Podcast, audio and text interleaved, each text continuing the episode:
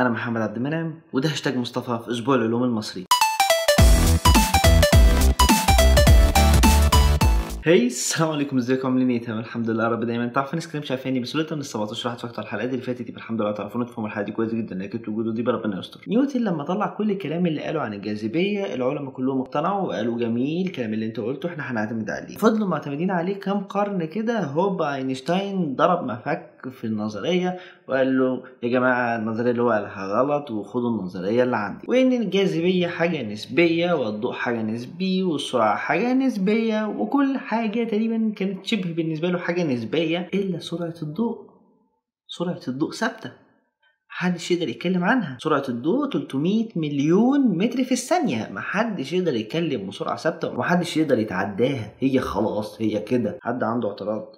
إيه ده انت عايز تقول كلام؟ لا انت عايز تشكك في النظرية سرعة الضوء في حاجة أسرع منها؟ لا ما, ما تتكلمش اسكت خلاص. العلماء فضلوا مقتنعين بالكلام ده وقعدوا حوالي قرن هم كمان مقتنعين بإن سرعة الضوء مفيش حاجة تقدر تتخطاها. ولكن تشاء الصدفة بالصدفة كده في تجربة اسمها أوبيرا اللي في مختبر المنظمة الأوروبية للبحث النووي وهو عبارة عن نفق بيربط ما بين سويسرا لحد إيطاليا. وطول النفق 730 كيلومتر. العلماء رموا حاجة اسمها neutrons في النفق ده. وال neutrons قدرت إن هي تسبق الضوء ب 60 نانو ثانية بس يعني مش فرق كبير.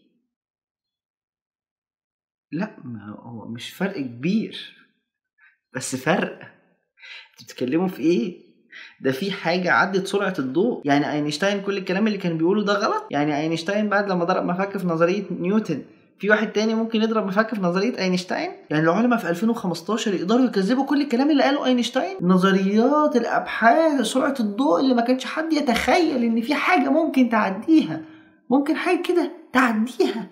عادي. يعني الناس زمان كانت ماسكة في أرسطو بتقول هو العالم اللي بيفهم واللي مفيش أحسن منه هوبا طلع نيوتن. قلنا نيوتن هو العالم والجميل اللي مفيش حد أحسن منه هوبا طلع أينشتاين. قلنا هو العالم الجميل اللي مفيش حد أحسن منه كمان أينشتاين غلط. بس في عالم اسمه بن مونريال وهو أستاذ مساعد لعلوم الفيزياء في جامعة كاليفورنيا بسانت باربرا. كان بيقول لم يتطور لدينا فهم كامل أو تصور واضح حول ما جاء فقد كنا نجرب اختبارات دقيقة للغاية حول النظرية النسبية الخاصة منذ الأيام الأولى لظهورها. وبعد كده كمل. لقد استطاعت نظرية النسبية الخاصة النجاح بتوفيق وتميز في جميع الاختبارات التي مرت بها منذ مئة عام حتى الآن وهذا هو السبب الذي يجعل نتيجة التجربة الأخيرة مفاجأة كبيرة بالنسبة إلينا وغير متوقعة بتاتا. وأنا قلتها في نفس واحد وبصوت voice over wow. المهم لحد دلوقتي العلماء بيبحثوا بيدوروا في نظرية أينشتاين للنسبية علشان يقدروا يتأكدوا هل النظرية دي ممكن كسرها أو لأ. المهم والعلماء عمالين يحاولوا يدوروا على حاجات يضربوا بيها مفك في نظرية النسبية.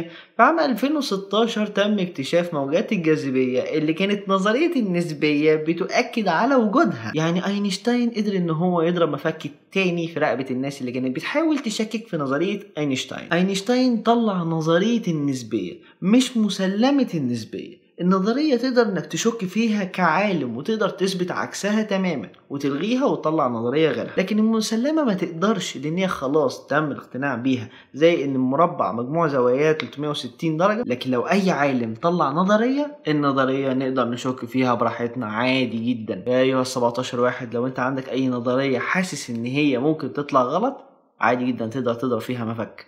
بس خلي بالك لحسن العالم بعد لما يموت برضه يقدر يضرب فيك مفك. فاكتبوا لي في هاشتاج مصطفى إيه رأيكم في حرب العلماء ما بينهم ما بين بعض وحرب النظريات والجو ده. ويا طبعا ما تنسوش تعملوا like و share و comment للفيديو وتعملوا like لصفحة أسبوع العلوم المصري. كان معاكم محمد عبد المنعم في هاشتاج مصطفى في أسبوع العلوم المصري. سلام.